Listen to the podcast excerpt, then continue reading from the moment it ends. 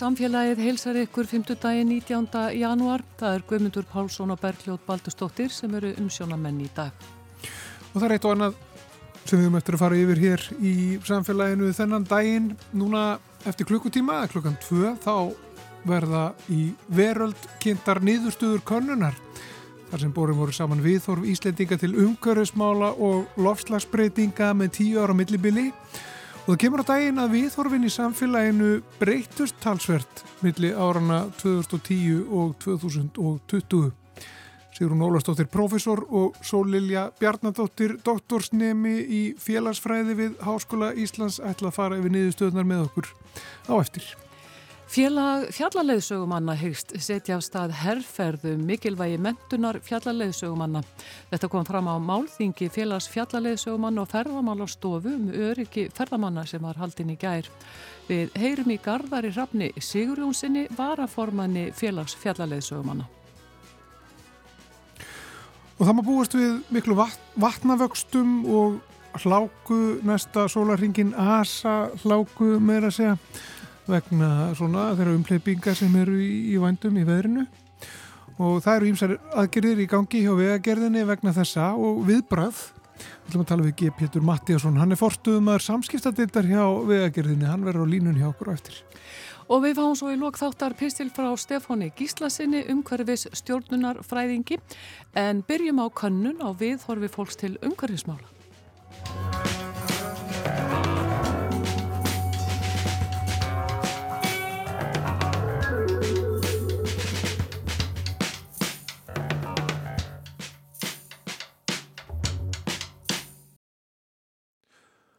Það er sérstaklega hérna hjá mér Sigrun Ólastóttir, professor í félagsfræði við Háskóli Íslands og Sólilja Bjarnadóttir, doktorsnemi í félagsfræði.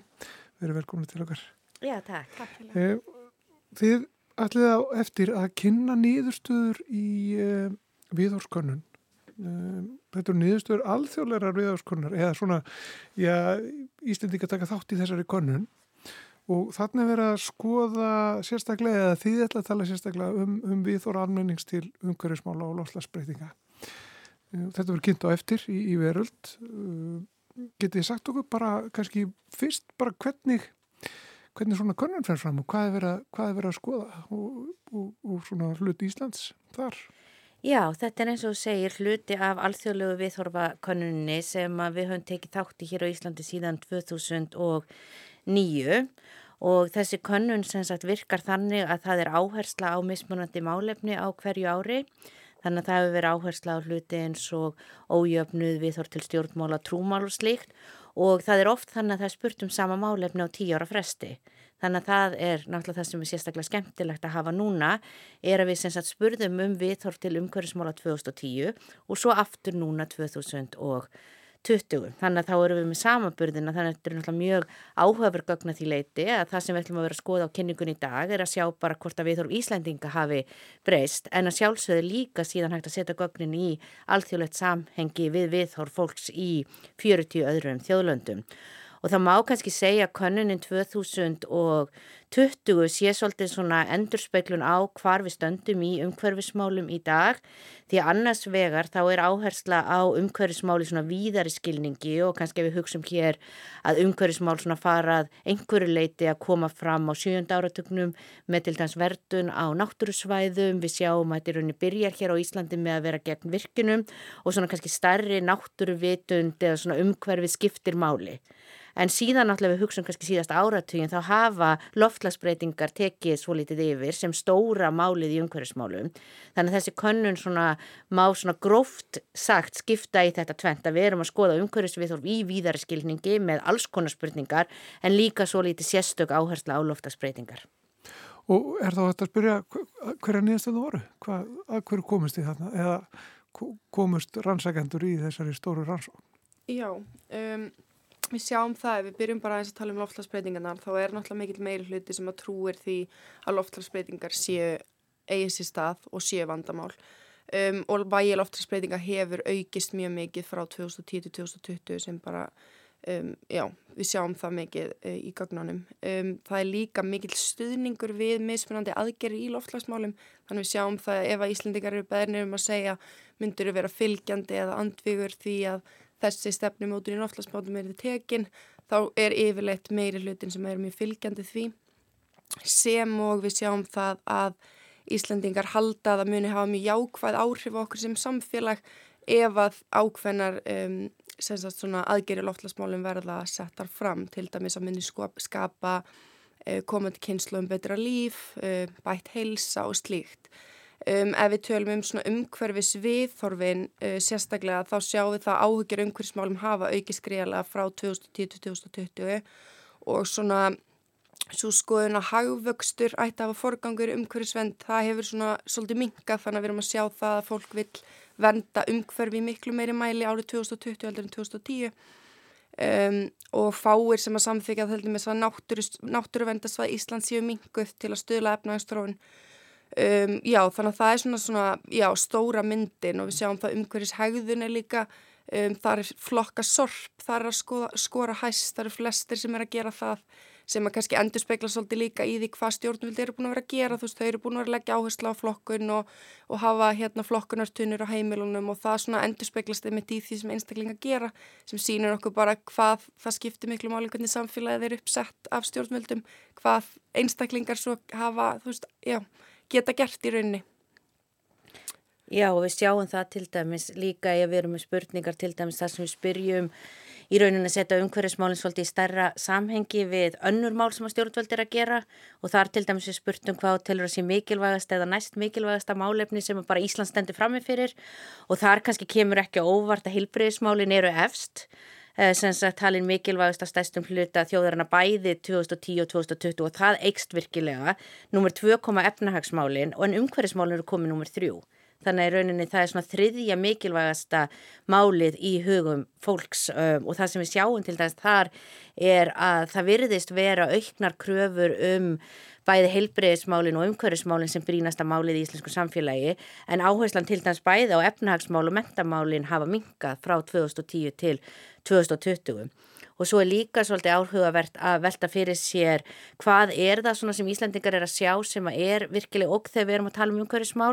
Og þar sjáum við kannski í rauninni eina sterkustu breytinguna um hvað er svona stæðsta vandamálið og þar sjáum við hvernig loftlagsbreytingar hafa aukist mjög mikið. Þannig að 2010 það voru að 13% sem að völdu loftlagsbreytingar sem stærsta vandamálið, það er komið í 43% 2020 og þar er svona svolítið áhugaverður viðsnúningur því að ofnýting náttúru öðlinda það var það sem var stóra máli 2010 það voru yfir þriðjungur sem hafði áhugir af því 2010 þannig að þetta verður svona svolítið þessu umskipting að það var klárlega í gögnunum bæði 2010-2020 eitt stort mál, það fer úr ofnætingu náttúruafliðunda yfir í klárt næstum því helmingur sem að segja já það eru klárlega loftlæðisbreytingar sem eru stæsta vandamálið sem að við stöndum fram með fyrir umhverjusmálum Já, þetta er, er talsveit mikið breyting. Já, þetta er svona uh, ekki kannski þetta eru auðvitað tíu ár það eru auðvitað mjög mikið að gerast í umhverfismálum. Þannig að svona ef við svolítið hugsum um kannski suma aðra málaflokka sem við myndum kannski búast við minni breytingum ég meina það hefur aukist gífulega bara umræðan og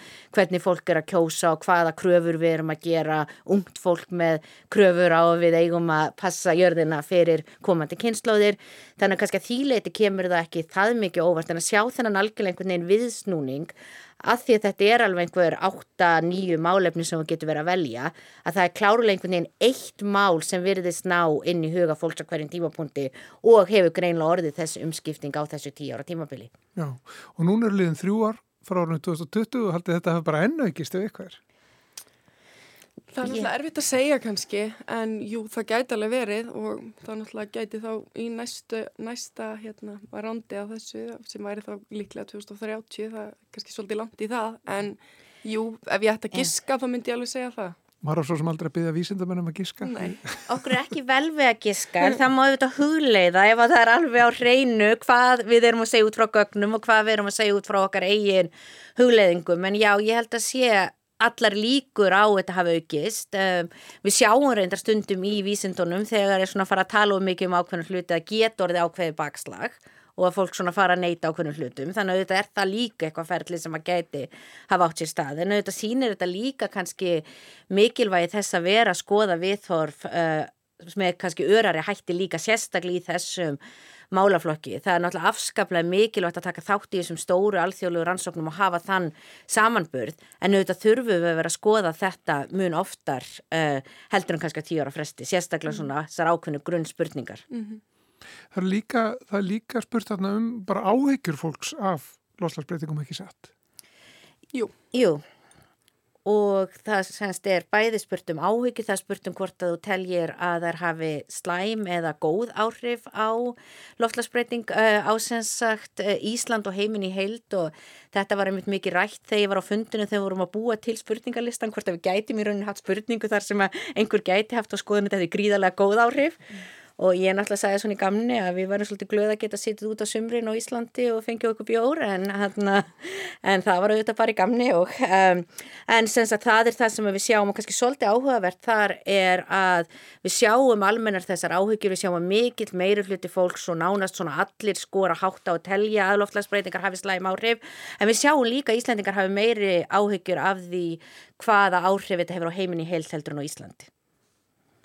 Þannig að við sérst í rauninu höldum eða teljum, Íslandingar telja að loftlagsbreytingar hafi verri áhrif á heiminni heil, minni áhrif hér á, já, á Íslandi. Íslandi en en uh, er, eru þið líka að bera saman niðurstöður hér við uh, niðurstöður annars þar? Ekki þessari skíslu, nei, en það er náttúrulega alveg hægt að gera það eins og Sigrun nefndi á hann, það er alþjóðlega samanbörður náttúrulega mjög mikilvægur að því að við erum með, með gögn þar það sem er spurt nokkra sömu spurningar 2010 og 2020 og þá væri bæði að gera alþjóðlan samabur með báðum þessum gögnum. Og það er svona svolítið næsta skref og ég mhm. held svona það sem við höfum séð með því að líta aðeins á þetta er að við erum frekar svona umhverfisvæn og eh, ef það er hægt að kalla það þannig svona með áhyggjur af umhverfinu og við sjáum það til dæmis með loftlagsbreytingur og eitt sem að kemur til dæmis fram hér á Íslandi og ég veit að sumur kollegar mínir erlendis öfunda mig afvarðandi við þóru almennings er að til dæmis ef við skoðum bara þessa hugmyndir um hvort eh, loftlagsbreytingar séu raunveruleikar og þessar afneitun, það er eiginlega bara ekki til staðar á Íslandi þannig að við erum til dæmis með spurningu um hvort að loftlagsbreytingar sé að gerast og hvort það sé að mannavöldum eða bara náttúrulegum orsökum og þar í raunin ertum með ríflega 60% sem segja bara þær eru að mannavöldum. Þú bætir við öðrum 35% þegar það eru bæði af mannavöldum og náttúrulegum orsökum þannig að þú er komin í rauninni 95% af þjóðinni sem að allavega er að segja að verulegur hluti loftlagsbreytinga síu af okkar völdum. Eh, það eru 0,3% sem eru sennilega einni eða tveir einstaklingar sem segja bara það er enga loftlagsbreytingar að gerast og sama kemur fram við bættum við bara hér í íslensku gögnunum að svona velta fyrir okkur að auðvitað getur verið hópur fólk sem segir já, ég menna þú veist, það er að mannavöldum og þetta, en þetta er ekkit vandamál. Þannig við vorum líka með spurningu sem spurði um semst, hvort þú trúur á loftlagsbreytingar og hvort þú sjáur það sem vandamál og þar kemur fram að 85% segja þær eru að gerast og þær eru vandamál.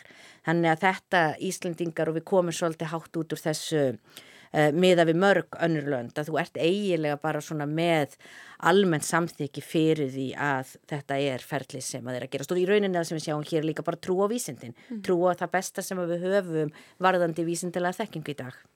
Mm -hmm.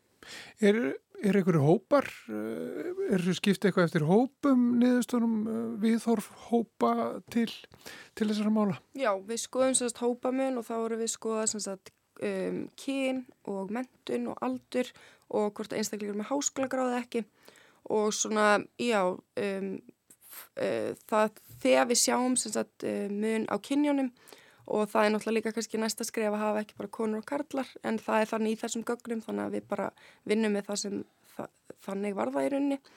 Og þá sjáum við það þegar að kemur sagt, munur á kynjónum þá eru konur svona oftar líklæri til að vilja vernda umhverfið og óleiklæri til að vilja leggja áherslu á hagvöstu eða stóriði á kostna umhverfisins. Þannig að það er spurt, spurninga myndir við vilja e, auka hagvöxt á kostna umhverfisins þá eru konur líklæri til að segja að þær vilji venda umhverfið en Karlar þá í rauninni aðeins meira í þessum efnahags og hagvakstar og svona orkufrikir stóriðju pælingum.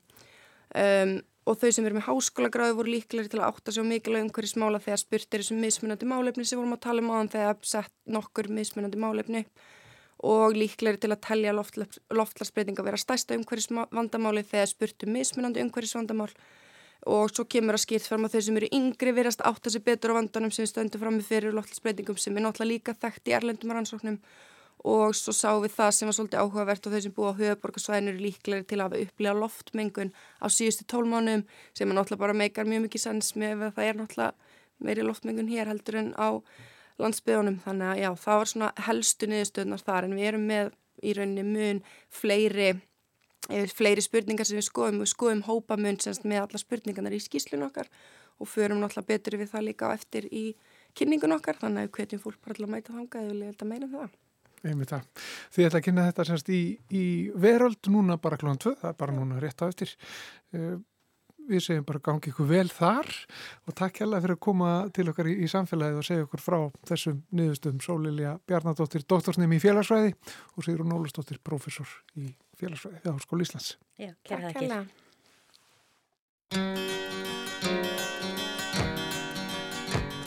I knew a man, Bojangles, and he danced for you in worn out shoes,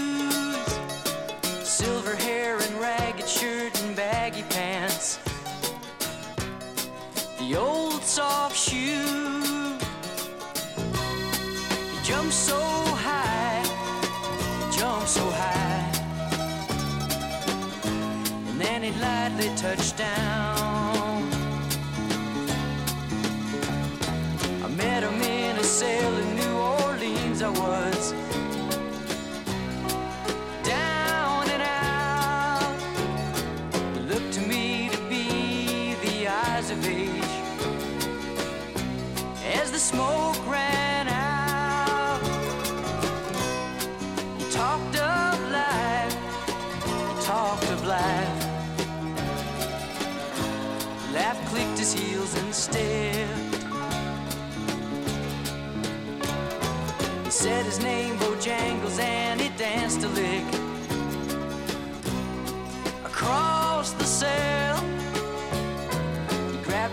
pants and feathered stance while we jumped so high.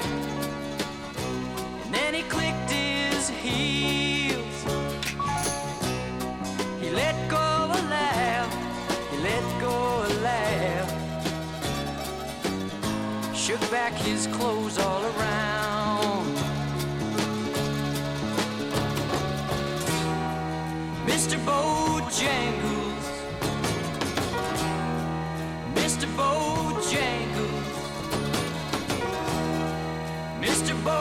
Bojangles, dance.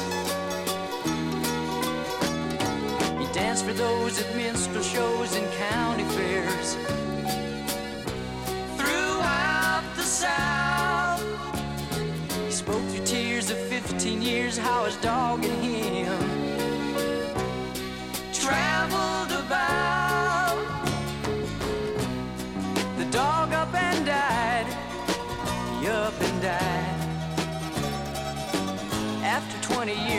still grieves. Said, I dance now at every chance in honky tonk for drinks and tips. But most of the time I spend behind these county bars. Cause I drinks a bit. He shook his head, and as he shook his head,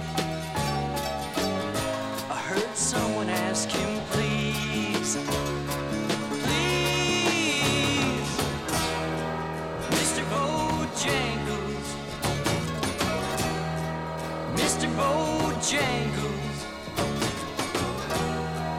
Mr. Bojangles, dance.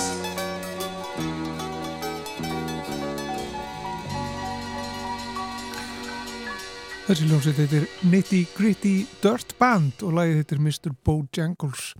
En Bergljótt, ég ætla, ég ætla að lesa þess fyrir þig. Ok. Aðtóðsendu viðafræðings. Ó, þið góðu. Spáðir suðestan kvassviðri eða stormi sunnan og vestalands seint í nótt og framan á morgundegi með úrkomu og hlínandi veðri. Sjá gular viðvarnir, segir hér á, á vefsíðu uh, viðurstofunar og það eru sko gular viðvarnir um all land.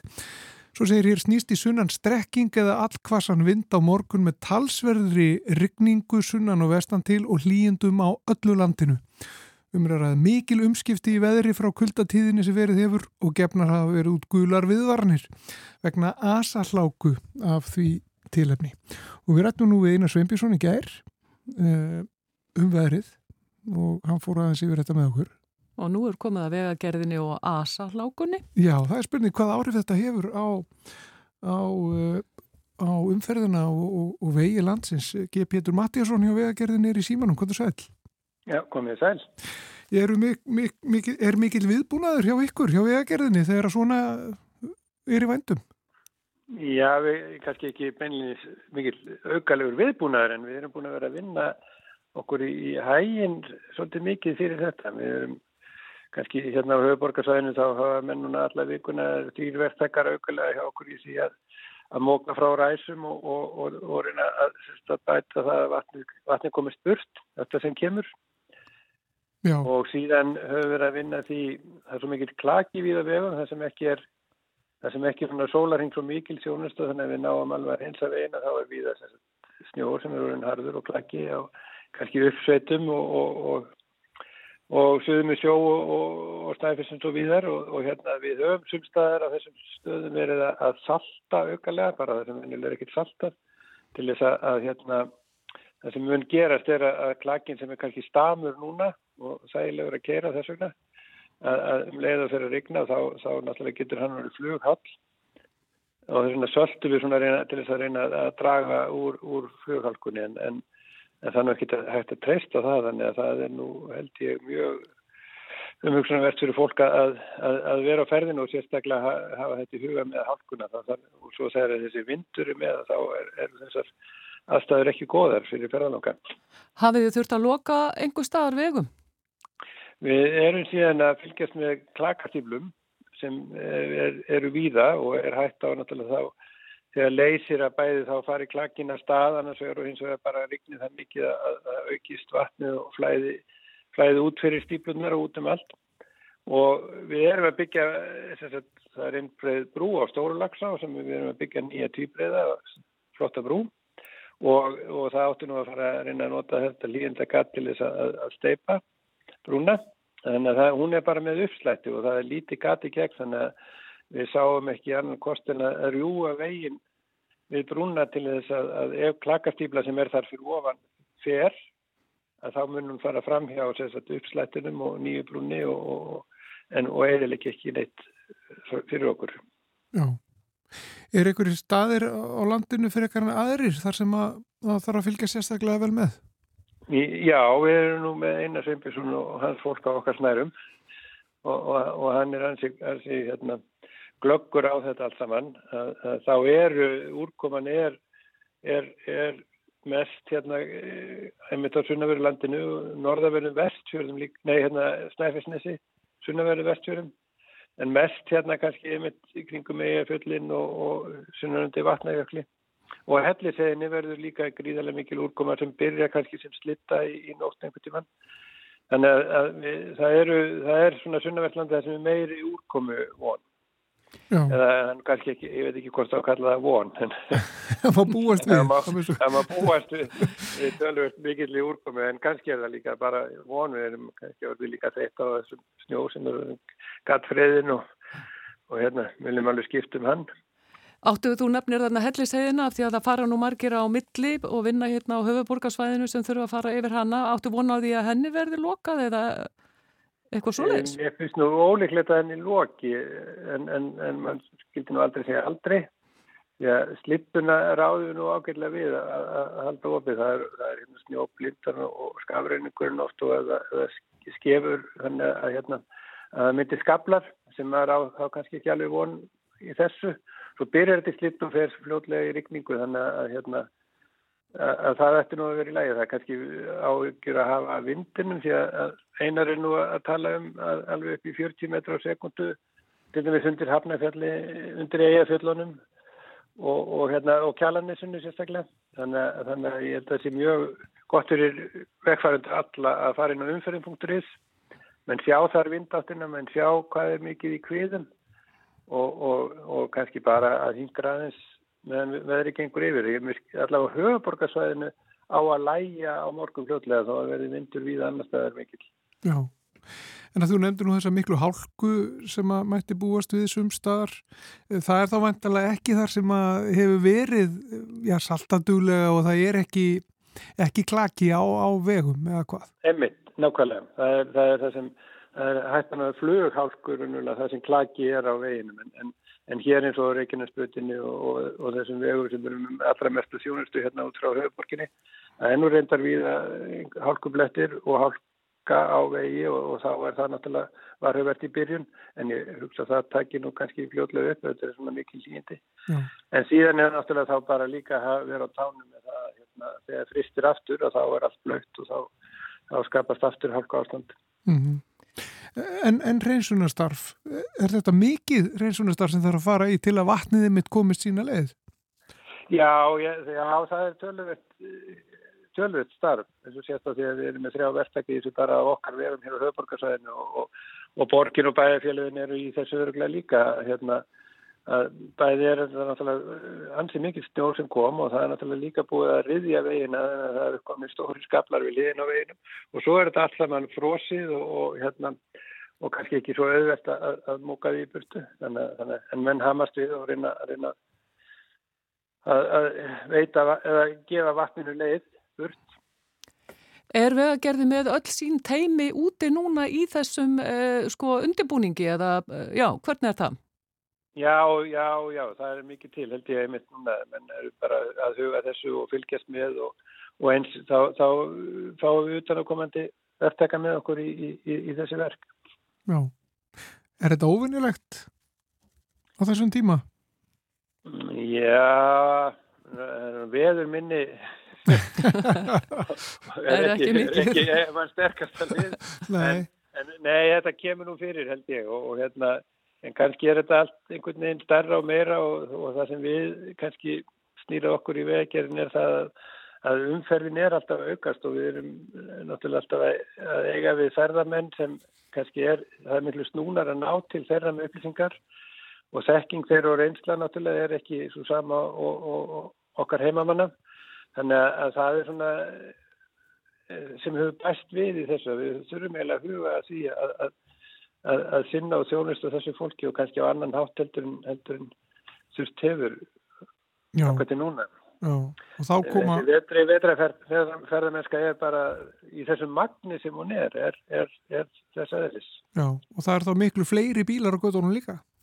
Já, og út á landi líka, það sem er einmitt kannski hérna, eins og til dæmis bara alla suðurstundina þegar menn eru að fara mikið í jökulsalónu og svona, þá eru við með, með einmitt það sem er vindasamast og, og og núna verður mest að regningin þannig að, þannig að það er svona eitthvað sem menn þurfa að huga en, en ég veit svo sem að ferðartjónu staðilar bara í auknum mæli held ég mjög meðvitaður um að þurfa lýsa að fólk sem er á ferðinu og þeir sem eru að gista hjá þeim eða leiða þeim bíla að, að, að það þurfa að huga þessu. Já.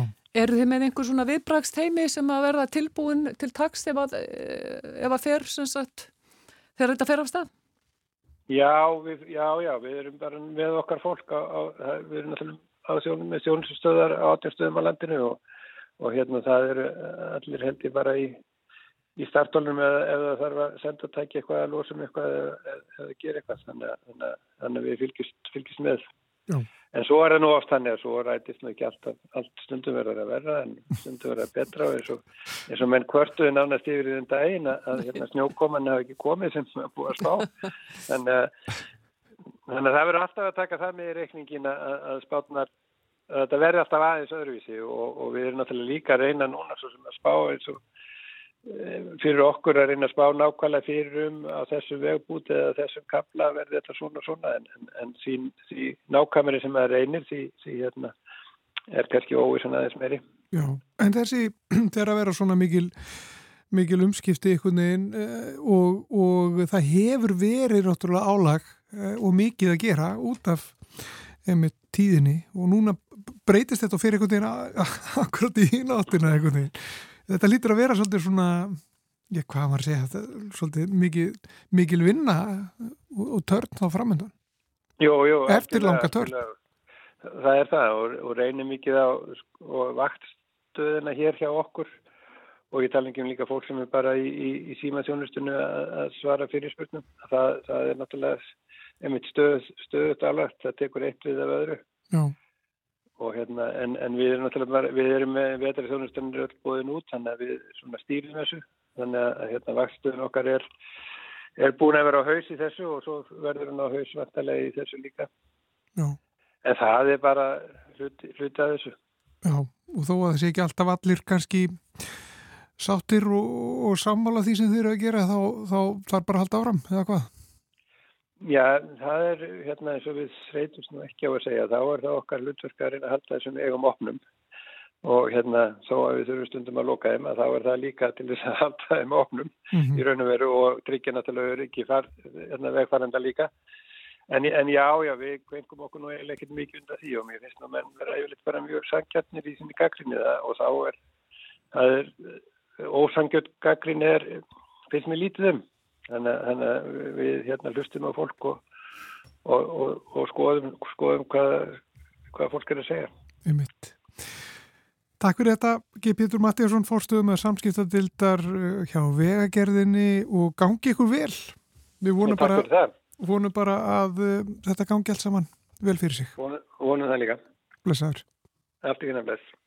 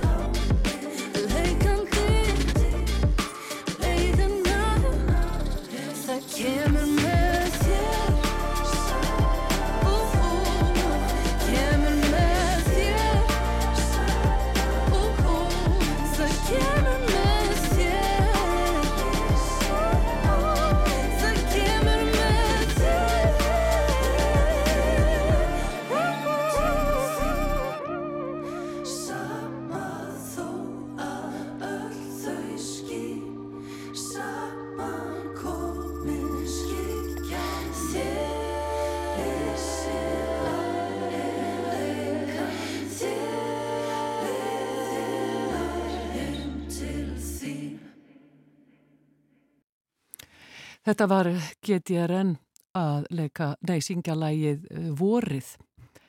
En nú er komið að ferðamálunum. Í gær stóð ferðamálastofa og fjallaleðsögumanna á Íslandi fyrir málþingi um öryggi ferðamanna við krefjandi aðstæður og þar var spurt einfallega á að loka. Tilefnið er nokkuð ljóst ferðamenn sem fara sér að voða.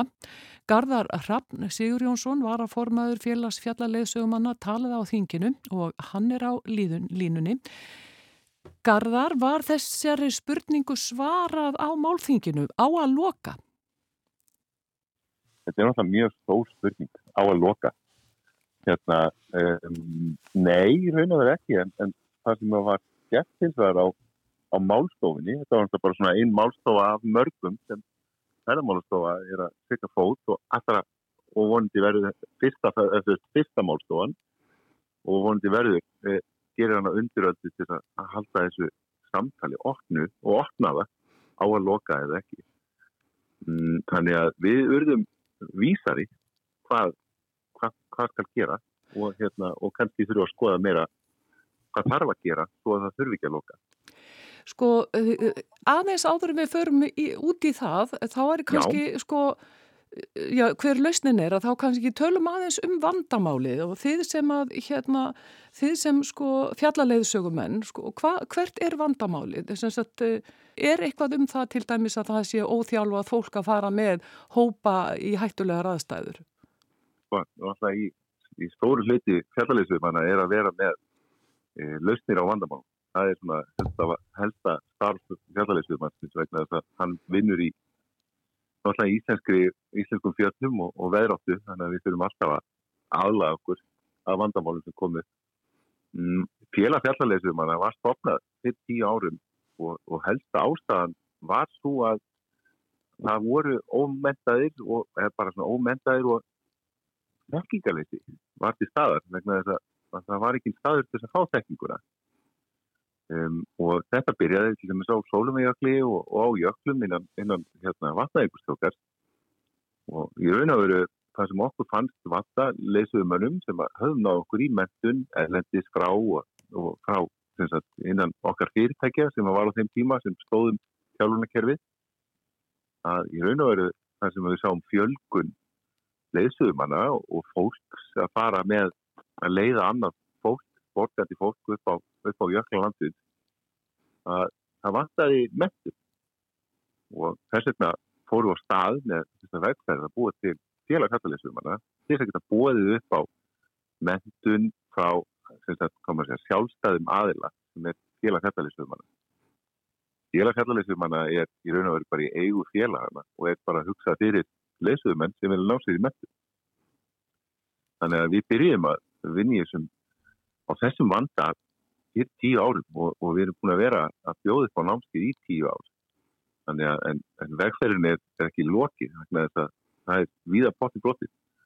Vegna þess að til dæmis á Íslandi þá er ekki krafa um að þú sett leysum og eins og við hefum heilt bara í fréttum svona guggað á milli allar þeirra fréttanóta sem koma upp í dag en það sem hefur spurst það vera að fólk er að fólk sem er að koma í heimsótt til okkar, til Ísland, hefur verið að ná sér í, í leysuðumenn og borgaðum fungu fjár fyrir að koma til Ísland, það, það kostar fullt að koma í heimsótt til okkar og svo kemst það í þegar ferðinni byrjuð að leysuðumenn er kannski allir sem hann sér og, og það er engin komur að segja svona trygging fyrir því að hann séur að standa, alltaf standa við það sem hann er að bjóða upp á Er, er þetta stæsta vandamálið að, að það er ekki sko augljóst hver er e, með réttu þjálfunina og hver ekki? Í, sko stæsta vandamálið, vandamálið er náttúrulega það að, að við erum skilgjörnum sem starfið leiðsögumæður á Íslandi er ekki eins og skilgjörn sem starf sko. Þannig að ég, ég veit ekki hvað stæsta vandamálið er en þetta er klálega eitt af stóru vandamálunum er að í hjónusti sem við erum að, að hérna, gefa á Íslandi og einna stærstu útlýðsgreinum landsins að þeir sem vinna við hana er ekki eins og það er ekki og skiljan sem Ísland starfa að vera leysum og ég held að það sé kannski þess að við þurfum að byrja og við þurfum að, að, hérna, að passa upp á það að fólki sem tekur á móti gestunum okkar sé vel mettað í því sem það gerir og, og þar að leiðandi er það búið að leggja á sig ykkur að mentun og er, hvað maður segja um, einhvern veginn búin að skuldbytta sig í, í þennan fasa og, og þá er það lífsviðvarið þeirra og það snýst alltaf um það að, að gefa af sér góða vöru svo þeir geta haldið áfram að vinna áfram sem leysum með. Hvernig er þessu háttað uh, uh, annar staðar í Evrópu? Mm, til dæmis í, í Fraklandi að það þarf að vera alþjóðlega mettaður EFMGA af alþjóðlegu hérna, hjartaleysið mönnum samtípanum. Það þarf að vera vottaður hjartaleysið að þess að geta stíð og jökul og, og lappa í hjartlendi með, með fólk. Og, og ef þú gerir það ekki í Fraklandi þá bara áttu, áttu möguleika á að lendi í fangilsi. Þannig að þetta er tekið það alvarlega þar? Já, og í, í Osponum, það er þetta starf, alþjóðlegu fjartalistuðu maður. E, það er sem flokka sem há áhætti starf og í raun og veru þetta á, á sama flokk og að vera læknis og tryggingar í sambandi við það. Þannig að það sem við erum í raun og veru að gera er að hérna, um, sem fjartalistuðu menn er náttúrulega að við erum að fara með fólk sem er óvand á fjöllum og fara með það út til þessum þægindarama á staði sem það þekkir ekki og, og það ræðir sér leysuður mann, treystir á hann að þau komið sér örugum og haldið sér eins örugum í ferðinu og hættir og komið um sem örugum tilbaka. En þetta þjálfunakerfi sem þið eru með núna og eru sagt, er það ekki að mælast til að þeir sem að fara með, fara með fólk upp á fjöll og, og á jökla uh, fari í gegnum, Hva, hvað tekur það langan tíma? Og hvað heitir það? Mm, e, það er í raun og veru bara heitir sjálfunakerfi félags fjartaliðsviðumanna og, og við erum með það skipt nýður að vegna þess að um, Íslandi er, að segja, það er fjöldfætt uh, það er þeir hluti sem við gerum á Íslandi. Uh, okkar stærsti fasi er raun og veru skriðjökla leysað þar sem við erum að fara með fólk upp á skriðjökla landsins og þá samanbyrja að nefna sólumæjökull og, og svo falljökull er það svona vinsælistu í skaftafelli um, og þar fara hundruð þúsundar manna á hverju ári og við erum mestur að okkar besta hjálpunakerfi er, er í kringum skriðjökla skriðjökla eru þrjú námskitt og það getur tekið kannski svona með vinnu vegna þess að við erum mjög svona vinnu, vinnu tengt að í raun og veru eftir fyrsta námskeið þá útskjáðastu sem í raun og veru lærilingur eða starfsmæri þjálfur og þá fyrir byrjað að fara raun og veru með fólk upp á, á skriðjökla undir beitni yfirsjá meira mentast leysum Ég heyrði þarna á, á, á þinginu þegar ég var að hlusta á það að, að hérna það var verið að tala um að að það væru einhver dæmi um að óþjálfaðir sko leiðsögumenn væri jafnvel með fólk í því sem að þið kallið skýða leiðsögn og Já. það hafi jafnvel verið dæmi um það að fólk væri að skýða niður af jökli án línu mm. með miklum, miklum hraði. Hva, hverjar eru hætturnar? Sko að um, venjulega þegar maður, já, þetta er kannski, um, uh, kannski ekki eins auðvert að útskýra og og ekki eitt, eitt auð, auðvelt svar við þessu en um, þegar maður hýðar á, á jöklum að þegar maður er á uppleið þá reynar að skoða maður aðstæður.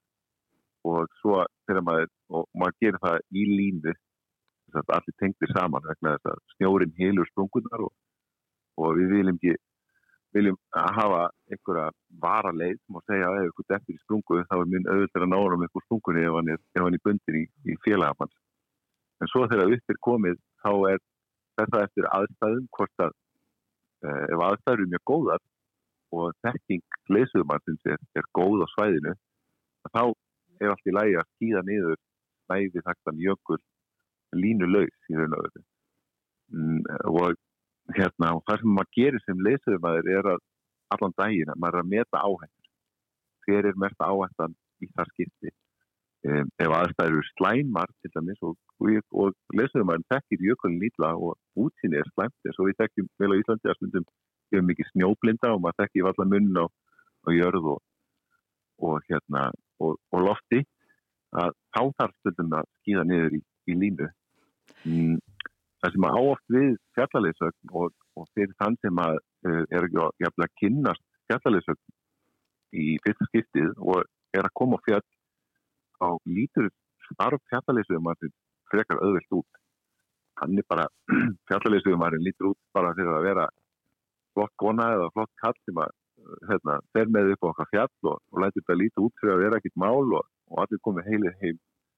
Og, og það gerist þá mjög ofta fólk sem að um, kannski veit lítið um hvað hvaða krest þess að vera kallalýsum maður lítur á sem að það sé ekkit mál að vera kallalýsum ég hef oft lafnað på fjall. Ég hef alltaf komið tilbaka ég hef alltaf gert það bara um helgar og það er gott við þess en vandamálið er það þegar maður er kallalýsum þá gerir maður það í næstu því hvaða veðri sem er vegna þannig að maður velur ekki dagina sem fólki kemur og, og bókar hjá manni fæð En segðu mér, segðu mér sko hvað hérna er, er einhver staðar sko gerðar mm. kröfur á Íslandi um að það sé mentaðir fjallarleysugmenn eða mentaðir leysugmenn Já, það er innan vatniðekustókarður með þessa atvinnustefnu og þeir hafi verið að uh, vinna í því að framfylgja sinni atvinnustefnu. Með því að, að uh, á vissum stöðum innan, og þeir eru ekki komnið segja, lengra en það að, að þeim stöðum sem að fá hvað mesta aðtikli sem að eru skriðjöklar og ísallar þeir eru að gefa út í raun og veru atvinnuleifi og með þess að uppbylla þess að þá umsók þurfa leysuðumenn sem, sem eru starfsmenn fyrirtækisins að vera mettaðir leysuðumenn uh. en uh, en vegna þess að vatnajökull er jú, mjög stór og, og mikið af fólki kemur í heimsók að, að þá hafa þeir ekki náð að, að klára erun og aðunstæðunar sína og er, er að vinni því sem er mjög gögt starf en uh, eiga erut með að gefa til þess kröfu um að, að leysuðu menn séu mentaðir sem fara upp á hæstu tinda landsins. Hvað viljið þið sjá gerast? Myndið þið vilja sjá það gerast að þetta er því svona kröfur þið gerðar á, á landinu sko? Við hjá félagi Sallarleysum hefum reynd að setja okkur í stöðu eh, mentastofnunar og reyna að auka öryggi. Þannig að við viljum, að, við viljum menta sem mesta fólki. Við viljum helst, við viljum alltaf sjá að allir séu mentaðir og, og leysuðum að sem, sem að versla við og hefur viðskiptið við séu mentaðir. Þannig að okkur uh, okkur hefur gengist vel í því að, að, við, að, að við segjum að við viljum ekki setja óða bönn, heldur viljum við setja viljum við frekar þú mentið um, það hefur komið meira í, í garð uh, þjóðgastins vatna einhvers þjóðgast að setja þessi bóða bönn vegna þess að það er svo sannlega á þeirra landi. Þannig að um, við, já, það hefur gagnast okkur vel að fara í þá á Ef að, þið, ef að það er þið gert, að það er þið gerða meiri, mhm. meiri kröfur og þetta kannski jáfnveg lögbundið, telur Já. þú þá að það muni fækka þessum atvikum þar sem að sko, fólk fer sér að voða? Eh, reynslan hefur sínt að hjá lesuðumennu sem eru mettaði hjá okkur hefur verið farið slísum, hafið verið farið farið slís. Um, og reynslan hefur líka sínt bara frá björgunaraðilum í öðraðum að þau þurfa að hafa minni aðskipti af, af mentum lesuðumenn vegna þess að helsta starf og eitt af störfum fjallalýsuðumartins er að koma sér úr áhættinni áður en að verður stórt vandumál Þannig að, að já. Þið nefndu þarna herrferð að þið hefðu á, á að fara í herrferð Já, við erum að undibúa í raun og veru herrferð um að, að vekja aftikli á því að, að fólk eigi að að ráða sér mentaðan leysum. Hafið þið fengið stjórnvöld í lið með ykkur eða eitthvað fjármagn í svona herrferð? Nei, við hefum bara, já, tíu ára ferli í félagsferðarleysum að hefur aldrei komin eitt styrkur korki frá stjórnvöldum eða hagsmánarfélugum eða fyrirtækjum innan, innan greinarinnar. Þannig að við, allt, allt, allt, allt starf félagsferðarleysum hefur inn í, í, hérna, í sjálfbóðinu. Í hverju fælst þessi herrferð svo hjá ykkur? Mm, hún er raun og veru alltaf, hún fælst í því að, að vekja aftikli á því að, að við bjóðum upp á okkar lesuðum en eru mettaði og, og, okkur langar að vekja aðtikli á þeim lesuðumönnum og íta fólki í það að ráða lesuðumönnum sína og, og spurja þá hvort það er síðan mestaði vegna þess að lesuðumönnum okkar sem hafa flotið mettinu stoltir af mettinu sinni og þeim finnst bara gott að vera spurðir að því og það ítir þá líka fleiri um í að ná sér í þess að mettinu. Kærar þakkir, Garðar Hrafn Sigur Jónsson, varaformaður félags fjallarleðsögumanna. Kærar þakkir fyrir að tala við okkur inn í samfélaginu. Takk fyrir mig, takk fyrir á samband og eigi índislegan dag og ferðist örug og fjallum. Svömmulegis. Þá ætlum við næst að leipa honum Stefánu Gíslasinni að umhverju stjórnunafræðingi með sinn umhverju spistil. Alla þessa viku sitja fulltrúar fjölmarkra þjóðuríkja, fyrirtæki og félagarsamtaka árlegan fund alþjóða viðskiptaráðsins eða World Economic Forum í fjallathorpunni Davos í Sviss og að vandæru umhverjismál þar ofarlega bögi. Sennilega er á engan halla þótt því sé haldi fram að þetta sé einn mikilvægasta umhverfisráðstefna ársins, þó að umhverfismál hafi ekki verið aðalumræðefni þegar fyrst var til þessa fundarhalds fyrir svo sem 50 árum. Fundurum í Davos er fyrst og fremst ætlað að vera vettfangur þar sem ofinbyrgi geirin og enga geirin mætast og ræða stöðu og horfur í viðskiptum og efnahagsmálum heimsins. Og nú er staðan einfall orðin þannig að umhverjismál og þá sérstaklega lofslagsmál eru orðin miðpunktur umræðinar um rekstur ríkja og fyrirtækja fremtíðinni. Eitt af því sem gerir fundin í Davos áhugaverðan er að í tengslu við hann koma gerðnan út áhugaverðar skýrslur um stöðu umhverjismála.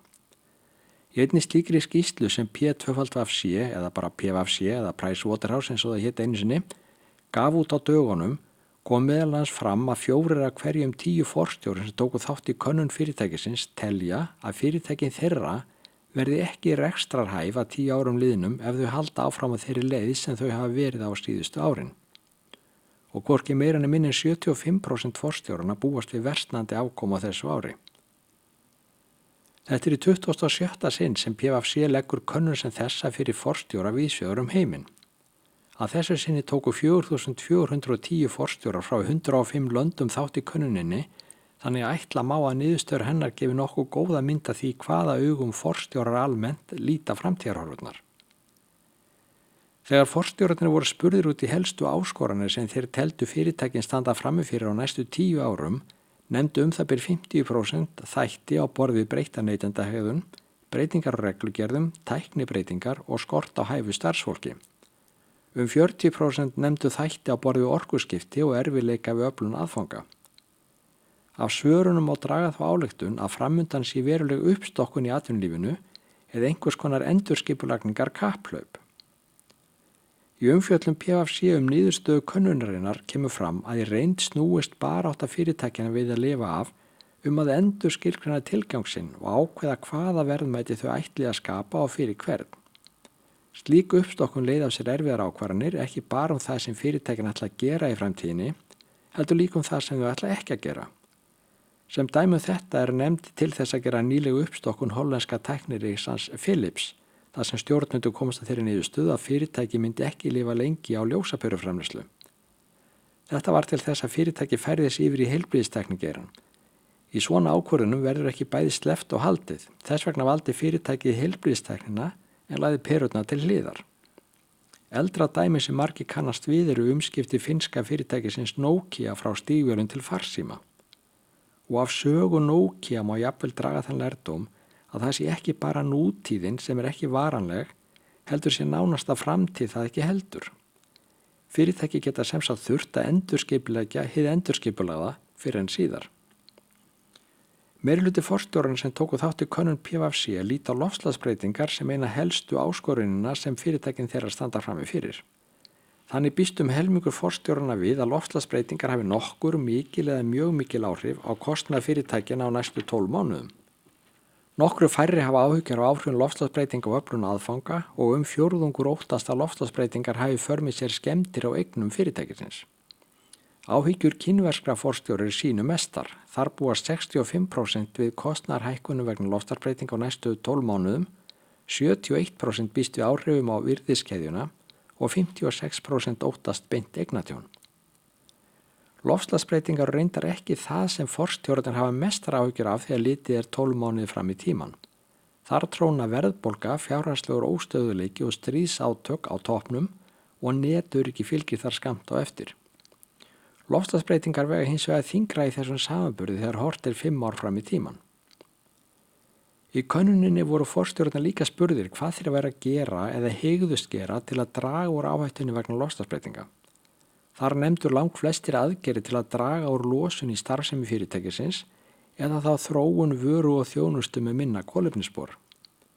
Allmargir ætlu líka að grýpa til aðgerða til að verja eigin starfsfólk og eignir fyrir áhrifun lofslagsbreytinga en mikill meiri hluti hafi hins vegar ekki svo mikið sem hugleitt að taka upp innra kólefnisverð til að hafa áhrif utanvekja fyrirtækisins.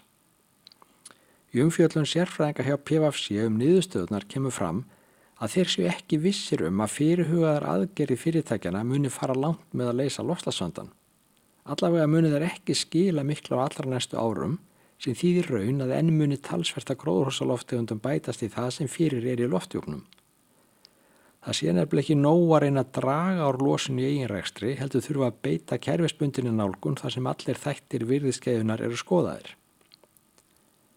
Ef ég bregð mér sjálfur í hlutverki greiningardeildar þá sínast með niðurstöðuna frá PFC fela í sér að stjórnendu fyrirtækja séu almennt vel meðvitaður um lofstafsvandan og ætli sér virkilega að bregðast við honum. Bara ekki of harkalega og ekki of fljótt.